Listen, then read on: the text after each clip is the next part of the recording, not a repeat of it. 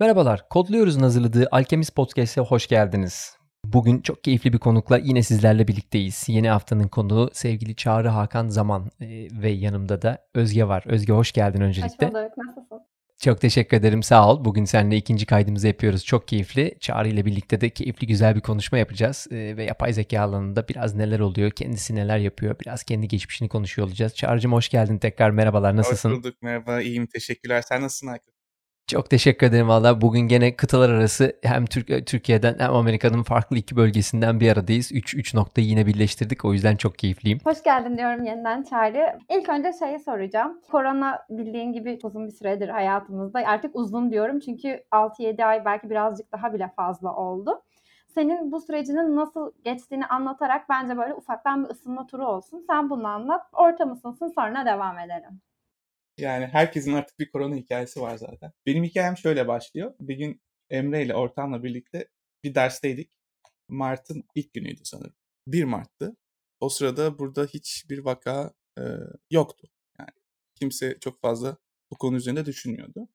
Biz de böyle e, girişimcilik üzerine, yani dünyaya etki yapacak girişimler üzerine bir dersteydik. Oraya e, koronavirüsle ilgili çalışma yapan birini davet ettiler dersin başında. Bir araştırmacı. Araştırmacı böyle 5. dakikasında falan şöyle dedi. Önümüzdeki en geç bir ay içerisinde MIT kapanır. O yüzden bu son görüşmelerinizden biri olabilir. Ona göre hareket edin dedi. Ben böyle bir şok oldum. Nasıl yani diye. Çünkü yani o sırada Boston'da hiçbir şey yoktu. Bunun denmesinin ikinci haftasında e, burada işte karantina geldi. Herkes evine kapandı. O gün bugündür biz evden çalışıyoruz.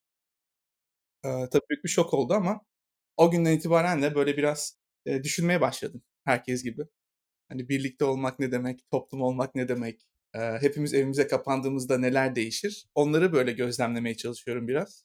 Bir yandan da bu yeni çalışma düzenine ayak uydurmaya çalışıyorum. Peki şeyi merak e, MIT'nin içerisinde bu işin karşılığı nasıl oldu? Bu, bu yansıma hızlı bir şekilde geldi ben. Çin'deki haberleri biz aslında Amerika'da bir 3 ay kadar geriden aldık. E, dünyanın farklı ülkeleri de farklı farklı zaman dilimlerinde aslında bu işi daha ciddi almaya başladı. MIT tarafında bu iş böyle bir hızlı bir şekilde oldu mu ya da orada beklediğinden farklı bir şey yaşadı mı kendi çevrende? Ama benim beklediğimin ötesinde hızlı bir tepki verildi MIT'de. Gerçekten kimse daha önce bir şey yaşamadığı için bir yandan böyle bir şey de var yani bilinmezlik durumu da vardı. Galiba ilk defa Diyojen diye bir firmanın burada bir etkinliği olmuş. Konferans yapmışlar. İlk defa orada bir e, vaka yayılmaya başlandığı söylüyor ki hala galiba Boston'daki vakaların büyük bir kısmı da o konferanstan yayılmış. O haberler geldiğinde çok insan demek ki bu hızla bizim bu tarafa da gelecek eve gitmek gerekir diye konuşuyordu. Ee, bu dediğim ama bu 1 Mart'taki çok şok bir durum. Yani herkes aynı durum oldu. Orada şu bu, bu işin e, datasını çalışan bir insandı. Çin'deki yayılışından Washington eyaletindeki yayılışına kadar nasıl yayıldığını takip ettikten sonra yapılan modellerden virüsün her ay ona katladığı sanırım. Her ay ona katlıyordu sanırım. Bunu tespit etmişler. Dolayısıyla da şu an Boston'da bilinmeyen 100 vaka varsa e, ay sonunda bu işte 1000 olacak. Ertesi bir sonraki ayın sonunda 10 bin olacak dendi ki gerçekten de öyle oldu. Bu tip dataya dayalı tahminler yapabiliyor olmanın bir avantajı var sanırım. MIT'de de böyle çok fazla insan var tabii. Peki biraz şeye girelim. Şimdi başta aslında direkt MIT ile başladık ama senin tabii muazzam bir geçmiş var. Bursa'dan geliyorsun. Sonra mimarlık var. Sonra İTÜ var. Sonra MIT'ye geçiş ve orada bambaşka alanlarda çalışma ve bir sürü de bu arada eğitimin dışında, akademinin dışında da bir girişimcilik hikayen de var. Biraz şeyi anlatsana bize Çağrı. Ya nereden başladı bu hikaye ve nasıl MIT'ye kadar geldi? Senin hayatın bu şekilde nasıl değişti? Biraz onu anlatsan yapay zeka geliş sürecine. Ben MIT'ye gelmeyi gerçekçi olarak olmasa da çocukluğumdan böyle böyle bir hayal ederdim. Böyle hani herkesin bir hayali olur ya. Hani gerçekleşmesi umduğundan değil ama düşünmesi hoşuna gittiği şeylerden bir tanesi benim de MIT o zaman çeşitli yerlerden duymuştum. Öyle bir kafam içerisinde her zaman bir MIT'ye gitsem ne güzel olur gibi bir düş vardı. Ama tabii bu gerçekçi bir planın parçası değildi o zamanlar. Ben tasarımla ilgilenen bir insan olarak İstanbul Teknik Üniversitesi'nde mimarlık okudum. Uzun bir sürede yaklaşık 3-4 senede aslında bir yandan pratiğini de yaptım. Çok eğlenceli işlerin içerisinde yer aldım e, mimar olarak. Ben bir yandan da kodlamaya meraklı bir insandım. Bilgisayarlarla haşır neşir bir insandım. birazcık onu takip etmek istedim açıkçası. Mimarlık eğitimim bittikten sonra. Bizim e, okulun bir parçası içerisinde olan bir bölüm var. E, mimarlıkta bilişim diye. Bilişim teknolojiyle odaklı tasarım ve bilgisayar mühendisliği arasında bir takım araştırmalar yapan bir bölüm. Ben orada ilk defa bir e, master programına girdim. Orada yaptığım çalışma e, neticesinde de buna devam etmek istediğime karar verdim ve e, MIT'de yine benzer bir bölüm olan Design and Computation bölümüne başvurdum ve oraya girdim. Tasarım çok enteresan bir alan. E, bir mühendislik gibi çok fazla nasıl yapıldığı, problemlerin nasıl çözüldüğü tarif edilemiyor. Tasarım biraz muğlak bir alan. O yüzden de bilgisayar mühendisliği ile tasarım arasında da böyle bir sürü çözülememiş problemler bütünü var. Çok ilginç olan. Yani bir bilgisayar yaratıcı olabilir mi sorusuyla başlayan. Bir bilgisayar tasarım yapabilir mi? Bir bilgisayar tasarımcıya yardım edebilir mi soruları aslında gayet zor sorular. AI'ın yani yapay zekanın belki de ulaşabileceği nihai noktalardan bir tanesi. Böyle ilginç problemlerle de karşılaşınca birazcık ben kafamı e, bu problemlere takmaya başladım. E, MIT'ye geldikten sonra yapay zeka alanına yönelmiş oldum. Sonra da doktorumu da e, bu alanda yaptım. Yani az önce farklı disiplinlerden gelme kısmına biraz dikkat çektin. Hani bunu Türkiye'deki gençler için bir avantaj mı, dezavantaj mı? Sen bu konuda ne düşünüyorsun? Onu böyle birazcık daha açarsan çok güzel ben olur. Ben düşünüyorum mimarlık okumasaydım şu anda kafa yorduğum problemlerin ne kadarına kafa yorabilirdim emin değilim. Şöyle bir durum var. Her disiplin kendi e, limitleriyle geliyor. Yani bilgisayar mühendisliğini ele alırsak oradaki tanımlanmış problemler ve bilgisayar mühendisi olması istenen insanların edinmesi gereken yetenek seti limitli olduğu için her ne kadar ilginç bir problemle çalışıyor olsalar da birazcık dar bir perspektif elde ediyor. Her disiplin için geçerli bu. Dolayısıyla farklı bir disiplinden geldiğiniz zaman hemen daha böyle ilk günden o disiplinin yani yeni geldiğiniz disiplinin ne alanlarda sizden farklı perspektife sahip olduğunu görme fırsatı oluyorsunuz, buluyorsunuz. Ve kendi edindiğiniz deneyimi de bu disipline yedirme fırsatı buluyorsunuz. Bu dediğim gibi biraz zor da olabiliyor zaman zaman. Disiplinler böyle futbol takımları gibi birbirleriyle kavgalıdır da biraz. Hani bir disiplinin yaptığını diğer disiplin kabul etmek istemez ya da farklı yapar. Bir disiplinin önemli bulduğu problemi başka bir tanesi önemli bulmayabilir. Ben özellikle tasarım ve bilgisayar mühendisliği alanında tez yazmış biri olarak söylüyorum. Bu iki alandaki profesörler, çalışan insanlar birbiriyle iletişim kurmakta dahi zorlanabiliyorlar bazen. Farklı diller konuşuyorlar çünkü.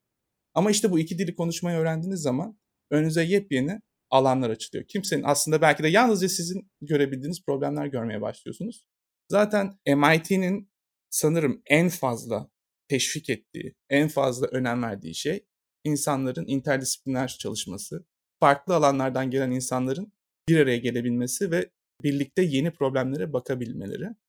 Dolayısıyla da benim burada hani Türkiye'deki gençlere de söyleyebileceğim şey şu ki lisansta okuduğunuz bölüm sizin kaderiniz değil. Belki ilgileniyorsunuzdur tabii ki yani ben mimarlığı da çok seviyordum. Ama bambaşka bir şeyle ilgileniyorsanız bu okuduğunuz ilk bölüm önünüze bir engel değil tam tersi.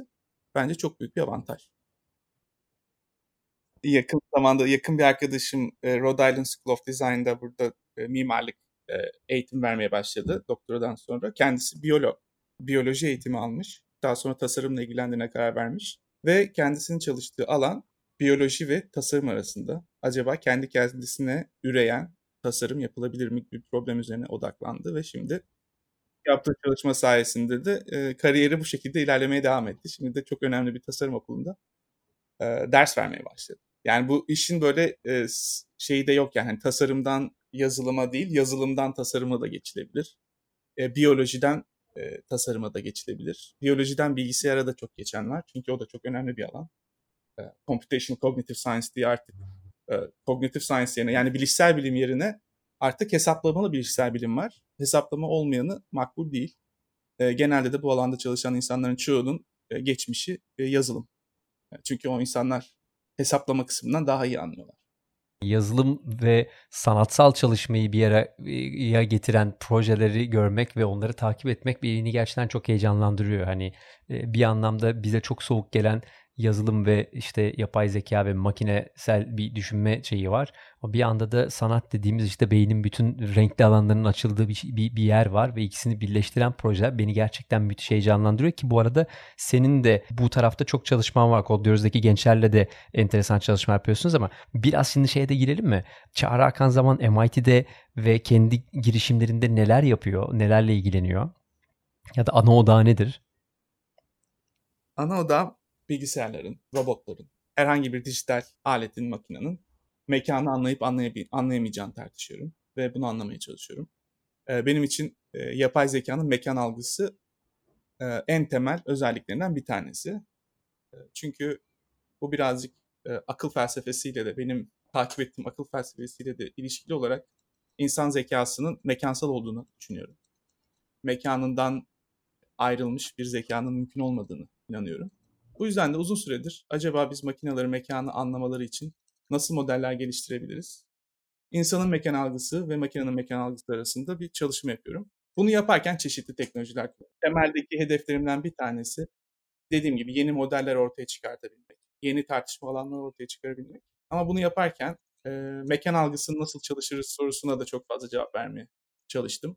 Bunun için sanal gerçeklik kullandığım araçlardan biri oldu. Tezim için sanal gerçekliği kullanmaya başlarken bir yandan aslında sanal gerçeklikteki fırsatları da görüp bu konuda da çalışma yapmaya başladım. İki sene önce de Virtual Experience Design Lab diye MIT'nin içerisinde bir e, laboratuvar kurdum. Bu mezuniyetimden bir sene öncesine denk geliyor. Burada da işte benim gibi e, algı çalışmak isteyen, e, mekan algısı çalışmak isteyen ya da sanal gerçeklikte çeşitli deneyimler yaratmakla ilgilenen insanların, öğrencilerin ya da fakültenin kullanabileceği bir e, laboratuvar açtık ve çalışmaya başladık. Bu dönemde bayağı güzel, heyecanlı, enteresan e, işlerin içerisinde yer aldık. Mesela geçtiğimiz sene İtalya'da e, Roma'da bir Mısır müzesi var. Galiba Mısır dışındaki en büyük müzeymiş. MIT'deki bir profesörle beraber orada bir sergiye katıldık. Biz laboratuvar olarak da o Mısır'daki bir kazıdan ortaya çıkartılmış böyle bir e, sanduka tam olarak. Orada mesela işte Egyptian Blue diye, Mısır mavisi diye çok antik bir e, pigment varmış. Zaten bizim çalışma yapmamızın sebebi de buydu.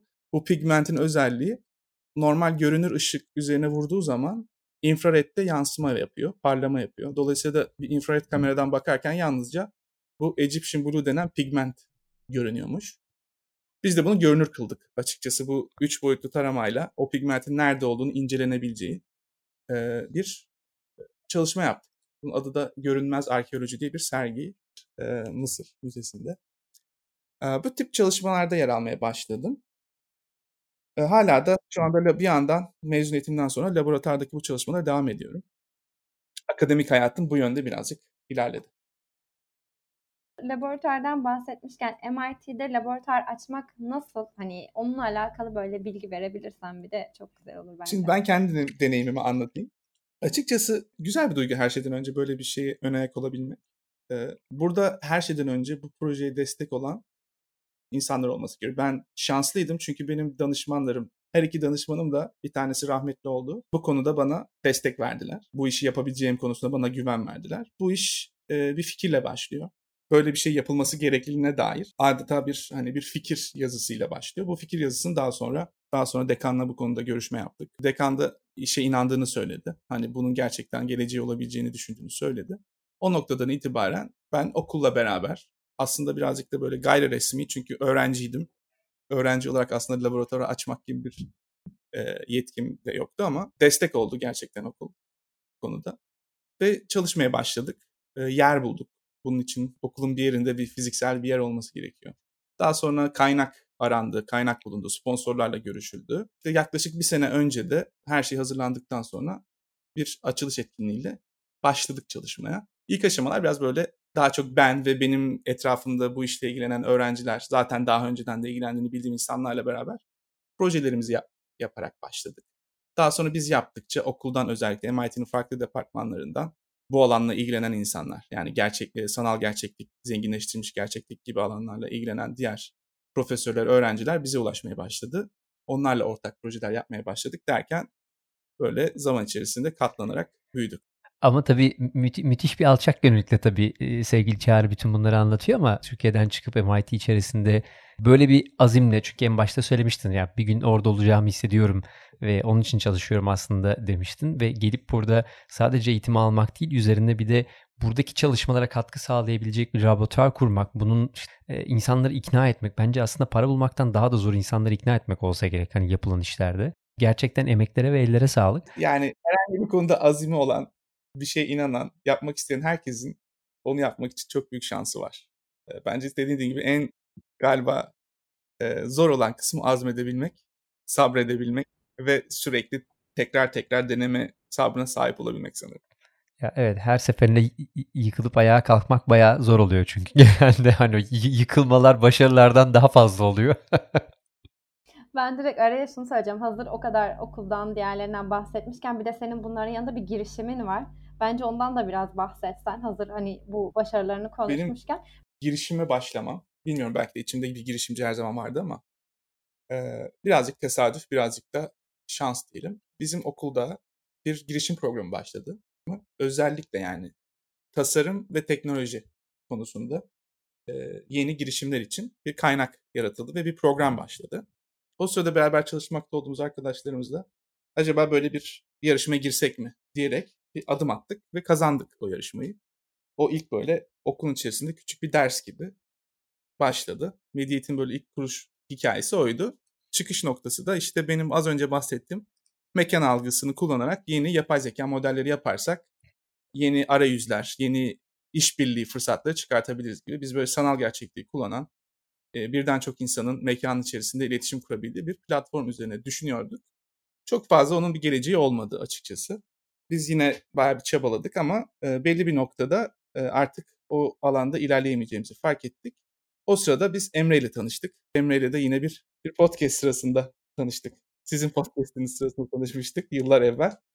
Emre bu alanla ilgilendiğini söyledi ve yeni tamamen yeni bir e, bakış açısıyla bize katıldı. Daha sonra biz Emre ile ikimiz e, bu projeye devam etmeye karar verdik. Bu yeni bakış açısı dediğimde Emre madem mekanı algılamak için bir teknoloji geliştiriyoruz. Bugün mekanı algılama konusunda problemi olan hangi e, alanlar var, hangi insanlar var diye sordu ve daha sonra fark ettik ki görme engelli e, bireyler için biz yeni bir teknoloji geliştirebiliriz bundan yola çıkarak.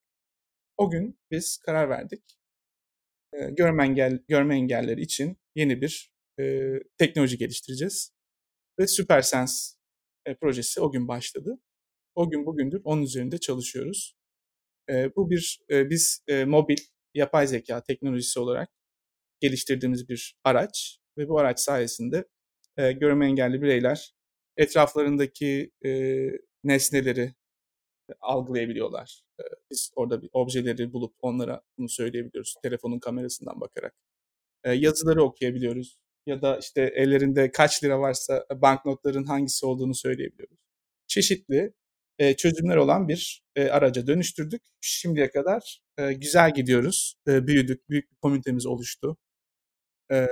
Bir ekibimiz oluştu ve halen o proje üzerinde çalışıyoruz. Biliyorum ki Türkiye'de de bir takım araştırmalar yaptınız. Orada da görme engellere ulaşıp bir takım çalışmalarınız oldu ama özellikle şu anda Mediate Amerika üzerinde mi çalışıyor? Global anlamda e, şu anda herkesin ulaşabileceği hem Google e, Play Store'da hem App Store'da olan uygulama şu anda kullanıma açık. E, biz işin doğası gereği Amerika pazarıyla daha işte çalışmak durumundayız. Burada daha fazla bağlantılarımız var.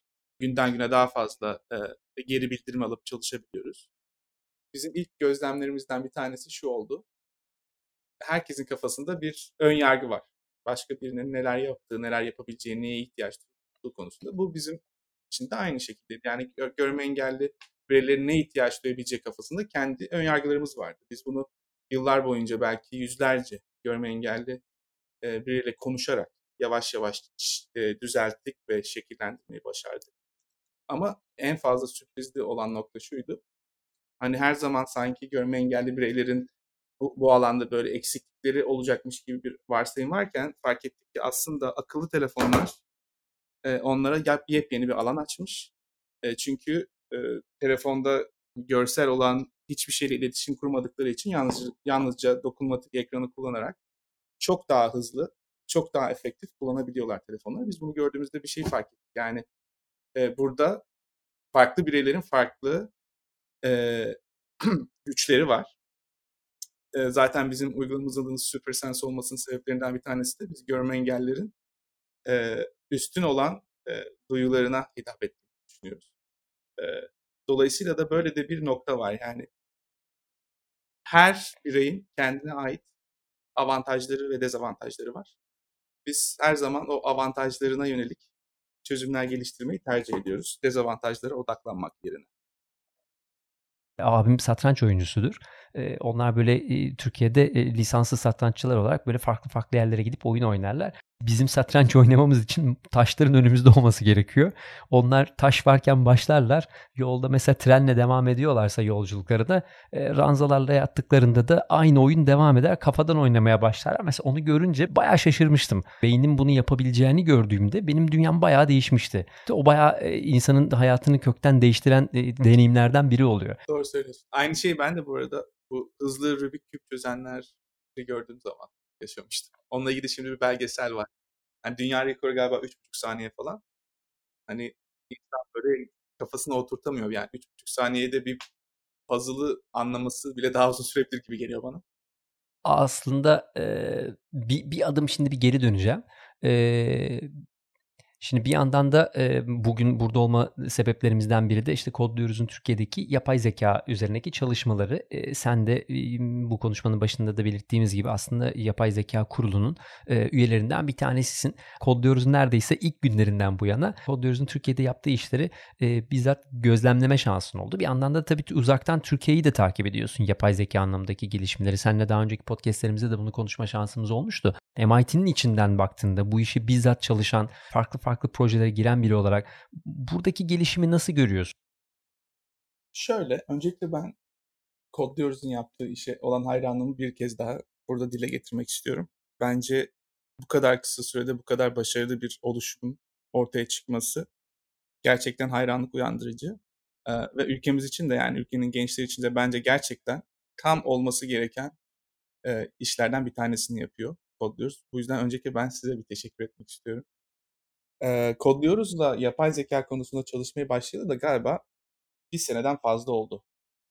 O zamanki, eee, öngörümüzde, yani, artık yapay zekanın eee, elde edilmiş olması gereken bir nitelik. Eee, yani, yazılımcıların ya da başlı başına yapay zeka alanında çalışan insanlara ihtiyaç olduğunu fark ettik. Çünkü artık endüstride, eee, yapay zeka pratiğinden yoksun olmak bir dezavantaj. Birçok işte yavaş yavaş bu bilgiyi gerektirmeye başladı. O günden bugüne neler değişti konuşalım. Ben şöyle aslında biraz belki konuyu yavaşça sağa çekerek bugüne kadar ne oldu ve ne olmalıydı tartışabiliriz diye düşünüyorum. Ben birazcık daha dışarıdan bakıp endüstri nereye doğru gitti, nereye doğru gideceğini farz ediyorduk, neden gidemedi gibi birkaç tane e, yorum yapabilirim. Öncelikle şunu söyleyelim. E, şu anda yapay zeka endüstrisi bir olgunluk seviyesine ulaştı. Artık son dönemlerde yapılan her şey birazcık bu işin pratiğinin daha kolay yapılabilmesine yönelik e, sistemlerin kurulması. Birazcık bu konuda background'ı olmayan insanların da e, yapay zeka ile haşır neşir olabilmeleri ve kendi süreçlerine entegre edebilmeleri için birçok servis çıktı.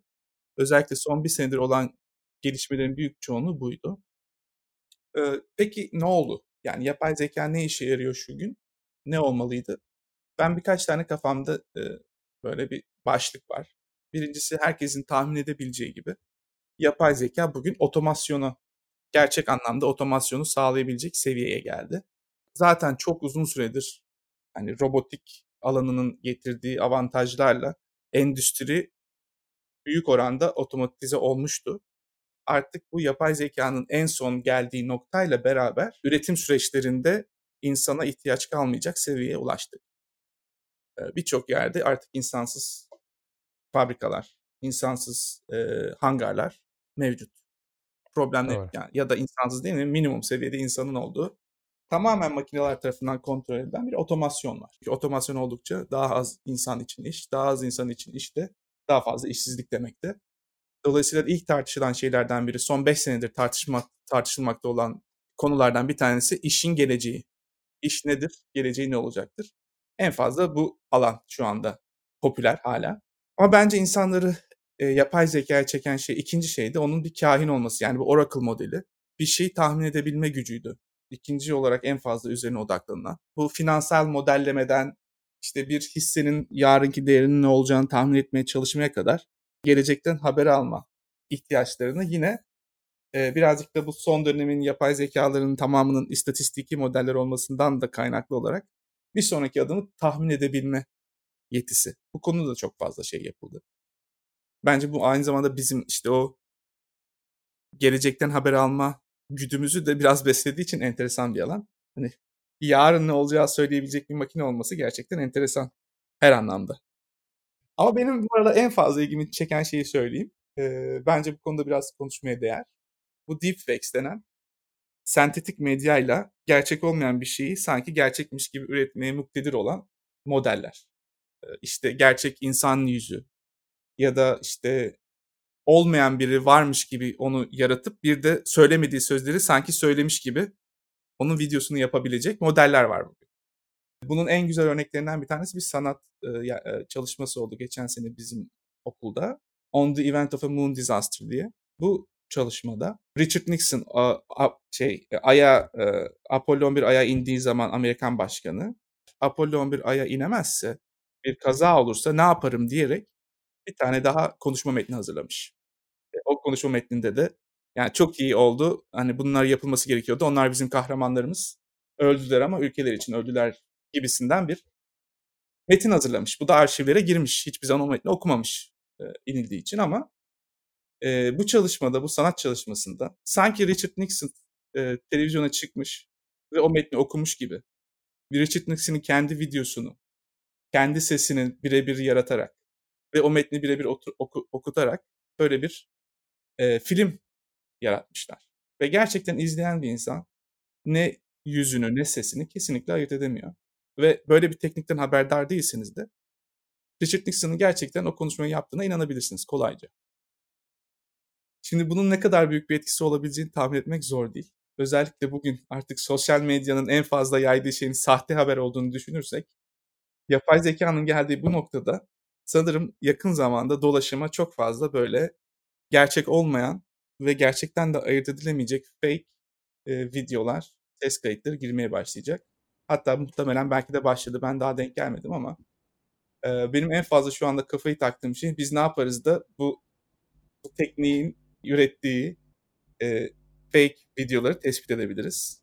Yani yapay zekanın üretim gücünün karşısına nasıl bir e, güç koyarız ki e, hala o gerçeklik algısına bağlanabilirim. Çünkü burada aynı zamanda çok büyük bir tehlike de görüyorum. E, manipülasyona çok açık bir alan olduğu için. Deepfake'den bahsetmişken yani şu andaki bir de veri bolluğunu düşündüğümüz zaman Facebook olsun, Twitter olsun, Instagram ya da diğer tüm sosyal platformlar hani büyük bir veri var. E, bunu diğer konuklarımıza da soruyorum ama senin de fikrini almak istiyorum. Bu sınırsız veri akışı konusunda hani ve veriye ulaşma konusunda şu an kendi şimdiki bilim adamlarını hani nasıl etkiliyor? Yani sınırsız veriye ulaşım bence çok gerçekçi değil. Şöyle makinelerin sınırsız veriye ulaşımı söz konusu olabilir. Bunu zaten e, şeyde görüyoruz. Marketing konusunda zaten artık e, önümüzde kocaman bir canavar var. Yani Facebook'tan Google'a kadar, Amazon'a kadar e, müşterilerin davranışlarının kaydedilmesi, modellenmesi ve onlara e, tavsiye adı üstünde alt, altında manipülasyona çok açık hale gelmiş bir sistem var e, bu sınırsız veri akışı dediğimiz şey özellikle işin ucuna bir ucuna bir pazarlama hedefi koyulduğu zaman çok tehlikeli hale geliyor. Ama bunu şu noktada şey ayırt etmek lazım. Ben herhangi bir yerde bir bireyin Amazon'da, Google'da ya da herhangi bir yerde biz bu insanları manipüle edelim. İşte e, şunu yaparsak bunları bu şekilde kafalarını döndürebiliriz diye hesap yaptığına inanmıyorum. E, bu birazcık işin sonucu. Sebebi değil de sonucu hale olmuş oldu. Orada böyle asıl düşünmek gereken şey bir organizasyon hedeflerini nasıl doğru koymalı ki o işin sonunda kurulan sistemler yapay zeka ya da değil insanlara zarar verecek sonuçlar doğurmasın. Bu zor bir problem tabii. Ama dediğim gibi burada bireylerin sınırsız dataya ya da veriye erişimi bence söz konusu değil. Her insanın zaten limiti belli. Yani bugün bana çağrı olarak dünyadaki bütün insanların bütün verisini verseniz ne yapabilirim? Yani kafamda çok net bir hedef olması lazım ki sadece onu kullanayım değil mi? Yani ben bir anda bütün insanlık hakkında ulaşamam yani benim sınırlarım belli. Ama oradan ben diyorsam ki işte şunu şunu şunu yapmak istiyorum ya da işte Aykut'la Özge'ye özel ürün satmak istiyorum. O zaman o bilgiyi ayırt edip filtreleyip kullanabilirim. İşte zaten yapay zekanın yaptığı şey de bu tip hedefleri koyup aynı anda hepsini yapabiliyor olması herhalde. Yani hepimiz için bu az önce söylediğim filtrelemenin yapılması mümkün. O filtremenin sonunda da bize e, bir sonraki almak istediğimiz şeyin ne olduğunu söyleyen bir makine var. Biraz, biraz bize bizim isteğimizi söylemeye başladı. O birazcık gerçekten korkutucu. Roller değişmeye başlıyor. Kim karar veriyor, evet, evet. kim kimin adına evet. karar veriyor. E, o ciddi o, anlamda değişiyor. Peki burada şey soracağım ben. Yapay zeka sorumluluk almak zorunda mı? Sonuçta algoritmaları hani biz oluşturuyoruz ama arka planda o sorumluluğu kim alıyor? Bunun hukuksal boyutuyla alakalı da belki buraya bir şey eklesek mi Çok diye güzel. düşündüm. Bence zaten şu anda yapay zekanın en fazla uğraşması gerektiği nokta bu. Etik denen şey. Harvard'da Michael Sandel diye bir profesör var. Hukuk profesörü. İzlemediyseniz tavsiye ederim. Onun Justice diye bir dersi var. Hepsi YouTube'da açık. Bir defa galiba Harvard'daki bütün ders e, online olarak yayınlandı. Justice'da yani adalet kavramını tartışıyor bütün ders boyunca. E, ama tamamen felsefe açıdan yaklaşıyor. Çok güzel örnekler veriyor. Çok güzel sorular soruyor. Her sorduğu soru, soru karşılığında da acaba ben ne yapardım diye insan bir kalıyor. En en güzel örneği şudur. Zaten bu bu alanda çalışanların en fazla verdiği örneklerden bir tanesi. Bu trolley problemi denen. Yani siz bir rayda gidiyorsunuz. ileride bir makas var. Gittiğiniz yönde 5 kişi var. Gitmediğiniz yönde bir kişi var. Makası atarsanız o bir kişiyi ezip öldüreceksiniz. Atmazsanız 5 kişiyi öldüreceksiniz. Ne yapmanız lazım? Bu bir paradoks. Bir insanın hayatı 5 insanın hayatından daha az mı değerlidir? Yoksa bu kararı verme gücü bizim midir? Kararı vermezsek hala bir karar vermiş sayılır mıyız? O bir kişi Adolf Hitler olsaydı da aynı şeyi söyler miydiniz? O bir kişi bir bebek olsaydı da aynı şeyi söyler miydiniz? Gibi çoğaltılabilen bir sürü soru var. Şimdi biz bu soruya cevap veremiyoruz. Bu sorular zaten doğası gereği bunlar paradoks. Soru şu, bunu makine nasıl yapacak? E, sürücüsüz arabalar var. Sürücüsüz araba geçenlerde bir kaza yapıp birini öldürdü. Bunun kararı kim verdi? Orada hatalı olan makine miydi? Hatalı olan algoritma yazan mühendis miydi? Hatalı olan mekanik aksamı düzenleyen mühendis miydi? Kimdi hatalı olan? Suçlu kim? Bunu nasıl bulacağız? Bu zaten başlı başına bir alan. Özellikle yani bu, ben bunu böyle biraz felsefi bir problem gibi sunuyorum ama sigorta şirketleri açısından gerçek bir problem. Çünkü gün sonunda sigorta şirketi gidip ben bu parayı veriyorum ya da vermiyorum diyecek. Ona birinin şey demesi lazım. Evet burada e, sürücüsü araba hatalıydı demesi lazım ama sonra şu soru çıkıyor. Sürücüsü araba nasıl hatalı olabilir? Yanlış karar verdi demek ne demek? Çok orası zaten çok muğlak bir alan. O yüzden yani şu anda tahminimce ben biraz böyle Toyota'da falan yapılan çalışmaları da takip ediyorum. Yani amaç hiç kaza yapmamalarını garanti etmeye çalışmak. Bunu bu probleme uğraşacak yerine, uğraşmak yerine yani bir kaza aldığında ne yaparız düşünmek Kökten yerine. çözümü ortadan kal. Arabanın kaza yapmayacağını garanti ederiz. Bizim gruba arada bir dışarıdan böyle misafir araştırmacılar geliyor. Bir sene önce e, Brezilya Anayasa Mahkemesi'nden bir avukat ya da savcı geldi. E, onun tek amacı yapay zekanın adalet konusunda neler yapabileceğini anlamak. Mesela bir yargıcın verdiği kararı verip veremeyeceğini araştırmaya gelmişti. Şimdi böyle bir alanda var. Yani yapay zekanın bence en başından beri hayali kurulan nokta bizim bazı problemlerimizi çözmeye yardım etmesiydi. Galiba adalet bu alanlardan bir tanesi. En problemli olan, en fazla üzerine tartışılan alanlardan bir tanesi. Dolayısıyla da bu etik konusu sadece bu hani sorumluluk alma değil, onu değerlendirebilme. Yani verilen yargıyı değerlendirme yetisinin olmasını gerektiriyor ki şu anda henüz tatmin edici bir e, yapay zeka modeli yok bunu yapmaya muktedir. Hazır bunun devamında o zaman direkt şu soruyu da sormak istiyorum yapay zekanın hisleri olabilir mi? Oo. Sorumluluktan, biz adaletten bahsettik. Podcast'i burada kapatıyoruz o zaman. Ocean Machine diye bir kitap var. Okumanızı tavsiye ederim. Ee, rahmetli Marvin Minsky'nin yazdığı kitaplardan bir tanesi. Ee, duyguları tartışıyor. Bu soruyu sorup cevap verebilmek biraz hani bilimsel değil de tamamen felsefi olur herhalde. Çünkü ben size his ne demek diye sorarım. Öncelikle onu bir tartışmak gerekir Şu anda henüz biz hislerin tam olarak ne olduğunu tarif edebiliyor değiliz.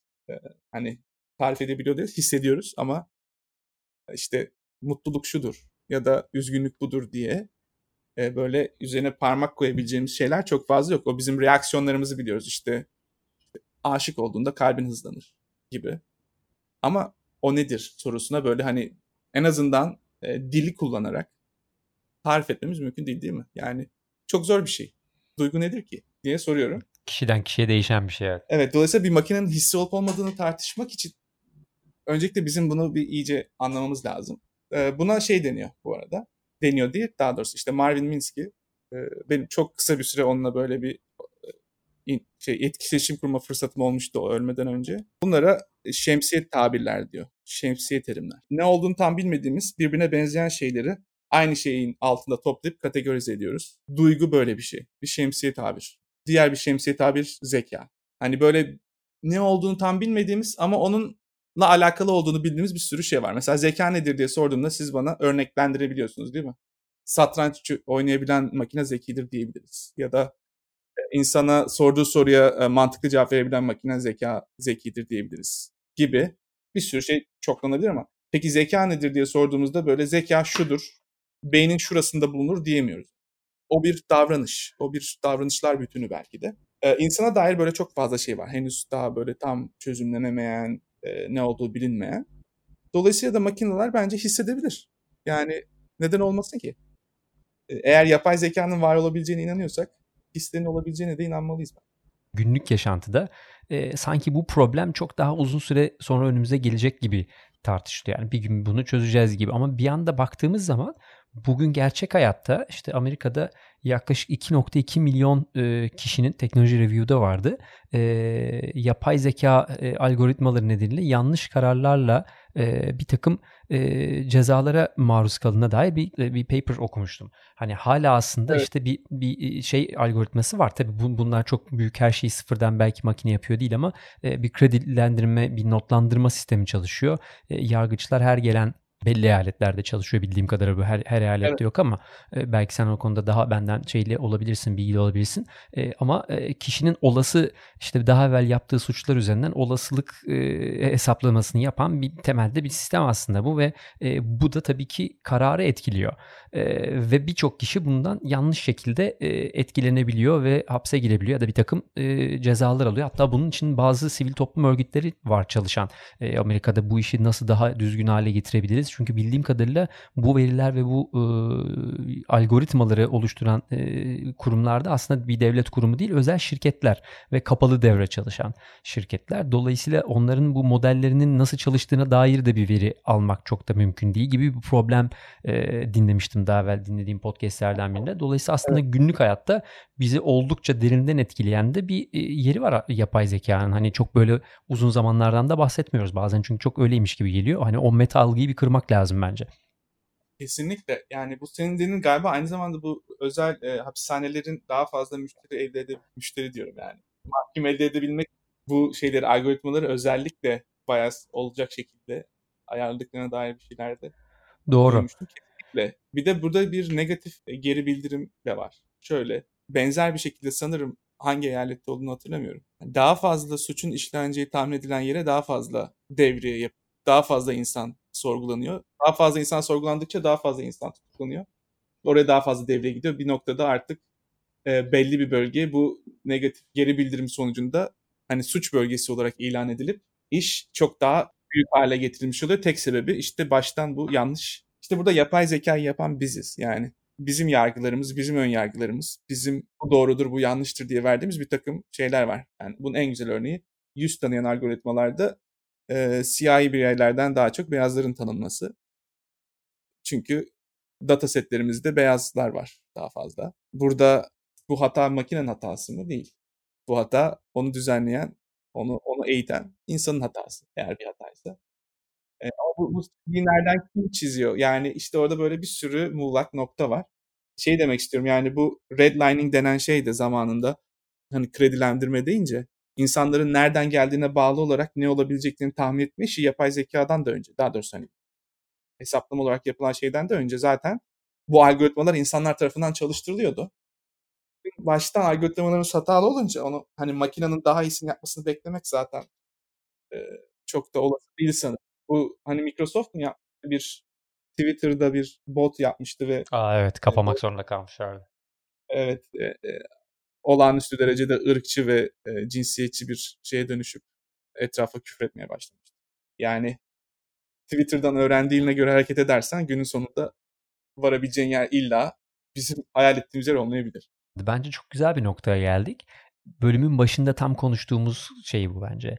E, yetişirken küçük yaştan e, daha kapsayıcı, daha daha farklı bireylerle yan yana olabileceğin, farklı düşünme e, modellerine e, kendini açık hale getirebileceğin bir eğitim aslında çok önemli. Hani olan olduktan sonra bir şey değiştirmek çok zor. Sadece veri setini değiştirmek değil. Aslında e, insanları yetiştirirken kendiliğinden daha farklı insanların olabileceğini, farklı bir takım şeylerin, düşüncelerin ya da hareket şekillerinin olabileceğini görüp çalışmak, büyümek ve işte sonra okulda da iş dünyasında da farklı farklı insanların ihtiyaçlarını anlamaya çalışmak aslında e, günün sonunda bence çok daha en azından kapsayıcı ve farklı düşünebileceğim bir metot geliştiriyor. Belki de en önemli evet. şeylerinden biri bu olabilir. Hani oturup da veride nerede hata var düşünmek ayrı bir şey ama oraya gelene kadar biz nerede hata yaptık ya da ne eksikti, e, neyi görmüyoruz'a bakmak lazım. Çünkü hep kendimiz gibi olanı görüyoruz. Dolayısıyla e, veri de o şekilde besleniyor. E, ondan da kaçış olmuyor tabii günün sonunda. Peki seni bu dönemde yani en yakın zamanda en çok heyecanlandıran yapay zeka gelişmesi ne? Ben onu merak ettim. Marvin şöyle bir şey demişti. Birazcık şakayla karışık. 1960'tan beri enteresan bir şey olmadı, olmadı yapay zeka konusunda. Ee, bir sürü teknik gelişme var ama enteresan bir şey olmuyor demişti. Ya bence beni en çok heyecanlandıran şeylerden bir tanesi bu sene olan artık yapay zekanın herkesin ulaşımına açılacak seviyeye gelmiş olması. Konuşmanın bir noktasında söylemiştim. Hani bu sene en fazla olan şey bu yeni sistemlerin, servislerin kurulması. Yapay zeka geçmişi olmayan insanların dahil olmak üzere bu sistemlerle iletişim kurulması, onlarla ilgili çözüm üretebilecek hale gelmeleri. Artık bir sürü eğitilmiş modeli kullanarak kendi ilgilendiğiniz bir problemi çözebilirsiniz. Yapay zekadan hiç anlamasanız bile. Bir yazılımcı olarak artık yapay zekayı kendi çözümlerinizin içerisine katabilirsiniz. Bu, bunu sağlayan bir sürü servis ortaya çıktı. Dolayısıyla da o ilk birkaç sene önceki yalnızca bu işi anlayan ya da makine öğrenmesi ve yapay zeka konusunda çalışan insanların yapmaya muktedir olduğu bir takım işleri artık her yazılımcı e, yapabilecek hale geldi. Dolayısıyla da çözülebilecek problemlerin kapsamı arttı. O konuda düşünebilecek insanların sayısı arttı. Dolayısıyla da belki de önümüzdeki yıllarda çok daha iyi, çok daha enteresan çözümler, daha fazla hani pratikte görebildiğimiz, insanların hayatına dokunan çözümler görmemiz olası olacak diye tahmin ediyorum. Benim için en iyi gelişmelerden bir tanesi buydu. Birazcık da bizden hani yapay zeka, mobil yapay zekanda çalıştığımız için takip ettiğim en fazla şeylerden bir tanesi de bu. Alanlardan bir tanesi de bu. Ben ama şöyle bir ekleme yapmak istiyorum. Belki de en başta söylemem gerektiğini en son söylüyorum ama. Yani yapay zeka bir araç. Biz bunu neden kullandığımızı çok iyi sorgulamalıyız. Ee, genelde herhangi bir işe başlayacak insana verilebilecek ilk tavsiye bu ne işe yarıyor? Bu dünyada neyi değiştirecek? Olabilir. Bunu neden yapıyorsun? Sen bunu yapmasan dünyada ne eksik olur? diye sormak lazım yapay zeka benim için benim hayallerimi süsleyen yapay zeka en başından beri dünyadaki en büyük problemleri sonlandırabilecek bir araç olmasıydı. Benim için yapay zeka açlığı bitirebilecek, savaşları bitirebilecek, hava kirliliğini bitirebilecek, ayrımcılığı, ırkçılığı bitirebilecek araçlar bütünü. Ben böyle gördüm. Bize böyle görmemiz söylendi. Şimdi ben hani burada şuna getirmek istiyorum. Bugüne kadar yaptıklarımız neye yaradı? Yani yapay zekanın geldiği yeri tartışıyoruz. Özellikle teknik olarak ulaştığı noktaları görüyoruz. Hani bugün burada deepfake'lerden bahsettik, endüstriyel otomasyondan bahsettik. İşte hani e, kahin modellerinden bahsettik. Bunlar e, dünyada neyi daha iyi hale getirdi? Bunlar hiçbir yapılmasaydı dünyamızda ne eksik olurdu? Ben burada biraz eksik olduğunu görüyorum. Bence e, teknoloji doğru yere giderken onun hedefi çok doğru yerde değil. Mesela açlık dedik. Yapay zeka benim bu aralar ilgilendiğim alanlardan bir tanesi. Yapay zekanın tarıma uygulanabilmesi. Acaba biz yapay zekayı kullanarak daha verimli, bir ziraat düşünebilir miyiz? Daha verimli tarım düşünebilir miyiz? Daha iklim şartlarından bağımsız olarak her yerde yetişebilen ürünler düşünebilir miyiz? Bu günün sonunda dediğim gibi dünyadaki açlığa bir çözüm olabilir mi? Birazcık aslında hedefleri doğru tartışmak lazım. Daha sonra yapay zeka o hedeflere ulaşmak için neler sağlar? Bunlara bak bakmak lazım. Bence çok fazla böyle alan var. Yani tarım bunlardan bir tanesi. Sağlık bunlardan bir başka tanesi. Ki o konuda gerçekten iyi gelişmeler de oldu. Ee, ama sanki ben bu yani sürücüsüz arabalarda özellikle çok ilgilenmiyorum. Çünkü yani evet bazı lojistik problemleri çözecek olabilir. takım değişimlere sebep olabilecek olabilir ama toplum olarak e, ya da dünya toplumu olarak bizi bir sonraki seviyeye geçirecek bir teknoloji değil gibi. O yüzden bence birazcık e, bu alana girecek insanların hedeflerini doğru koyması lazım. E, o hedeflere doğru yürümesi lazım. Peki sen hani Türkiye'deki gençlerden yapay zekaya, veri bilimine yeni başlayanlara hani şu an ne önerirsin? Bu soruları düşünen ve çözümün bir parçası olmak isteyen gençler hani yol göstermek adına söylemek istediğin yani şeyler var mı? Gözlülerinin korkmaması lazım. Özellikle şu geldiğimiz noktada yeni bir şeyler yapmak çok zormuş gibi algılanabiliyor bazen. Çünkü hani hesaplama gücü şu anda çok büyük şirketlerin elinde. Hani rekabet imkanı yok gibi duruyor. Özellikle bir girişim için. Hani şu anda Google bir şeyler yapıyorken sanki Google'ın yaptığı şeyin benzeri bir şey yaparsak yok olur gideriz gibi bir his var. Bu gözlerinin korkmamasını tavsiye ederim. Dediğim gibi dünyada bu teknolojileri kullanarak çözülebilecek çok fazla problem var. Ee, daha fazla insanın bu konuda kafa yorması lazım. Dolayısıyla da hedeflerini doğru belirlemeliler. Daha sonra da o hedefe ulaşmak için yapılabilecekler üzerine kendilerini geliştirmeye başlamaları lazım. Diğer bir nokta da artık e, bu işin sistem seviyesinde de çok fazla gelişmeye başladı. Çok fazla platform var, çok fazla e, geliştirme aracı var. E, bunların arasında kaybolmamak için de yine ben ne yapmaya çalışıyorum? Bu, bu, bu, bu hedefe en hızlı nasıl ulaşılır sorusuyla başlamak. E, yetenekleri de o, an, o alanda geliştirmek lazım e, günlük işte popüler dilin dışında aslında odaklanılması gereken şeyin çok daha büyük problemler olduğunu, bunlara bir takım çözümler bulabileceğimizi tabii sizi senin ağzından duyabilmek de en azından çözümü bulmanın bir parçası olmak Özge'nin dediği gibi. Yani belki çözüm üretemeyeceğiz ama e, bu yolda bir adım atabiliyor olmak e, ve başka insanlara da bu, bu çözümün parçası olmak için yan yana getirmenin önemini e, bir daha göstermek burada bence en güzel çıktılardan biri oldu. Çok teşekkür ederiz Çağrı. Gerçekten çok keyifli bir sohbet oldu. Çok mutlu olduk seni bugün ağırladığımız için biz. Ben teşekkür ederim. Gerçekten çok keyif aldım ben de. Sizlerle konuşmak her zaman hem beni mutlu ediyor hem de e, tekrar tekrar bu konulara eğilebilme fırsatı bulmak da benim e, gerçekten aklımı da açıyor. Ne kadar güzel. Arada o yüzden ke- kesmeye e, çok çekiniyorum. Hani ga- gayet güzel devam eder. Kendimi bazen bir MIT'de bir dersteymiş gibi hissediyorum.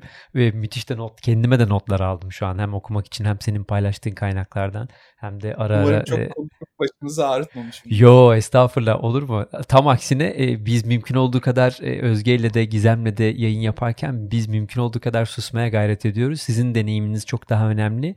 Sizin görüşünüzden e, bu bu sektöre, bu alanda çalışmak isteyenlere gelecek bilgi bence çok daha kıymetli. Çünkü orada bir deneyim var. E, yani orada bir başarı da olsa, başarısızlık da olsa o deneyimi aktarabilmek bence çok da önemli. O yüzden biz çok müthiş keyifle dinledik. E, değil mi Özge?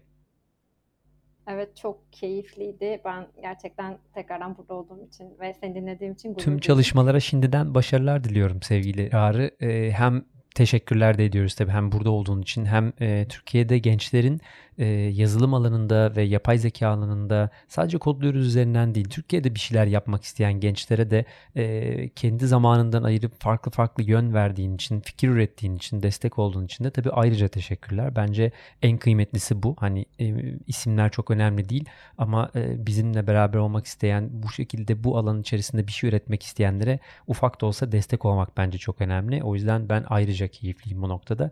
E, diyerek ufaktan kapatışa geçeyim ben. Bugün sevgili Çağrı Hakan Zaman bizimle birlikteydi. E, MIT'deki keyifli problem setlerini, üzerine çalıştığı, yapay zeka üzerine çalıştığı problemleri, soruları, e, çalışma gruplarını ve e, üzerine çalıştığı farklı projeleri konuştuk. Girişimlerini konuştuk. Sevgili Özgin güzel sorularıyla birlikte e, biraz Türkiye'deki yapay zekanın gelişimini, dünyada, dünyadaki yapay zekanın gelişimini biraz, biraz deepfakes'leri konuştuk. E, endüstri üzerine konuştuk. E, ve teknolojinin gittiği yeri konuştuk aslında. Sevgili Çağrı Hakan Zaman'ın internet üzerindeki paylaşımlarını da takip edebilirsiniz ve aynı zamanda girişimini de takip edebilirsiniz. Ee, bizi dinlediğiniz için bugün teşekkür ediyoruz. Lütfen beğendiyseniz beğenilerinizi iletin, paylaşın, daha fazla kişiye ulaşmaya çalışalım. Sorularınız varsa bize her zaman Kodluyoruz'un kanalları üzerinden ulaşabilirsiniz. Sorularınızı gönderebilirsiniz ve herkese iyi bir gün diliyorum. Bizi dinlediğiniz için teşekkür ederiz. Garanti BBVA'nın sunduğu Alchemist Podcast sona erdi. Garanti BBVA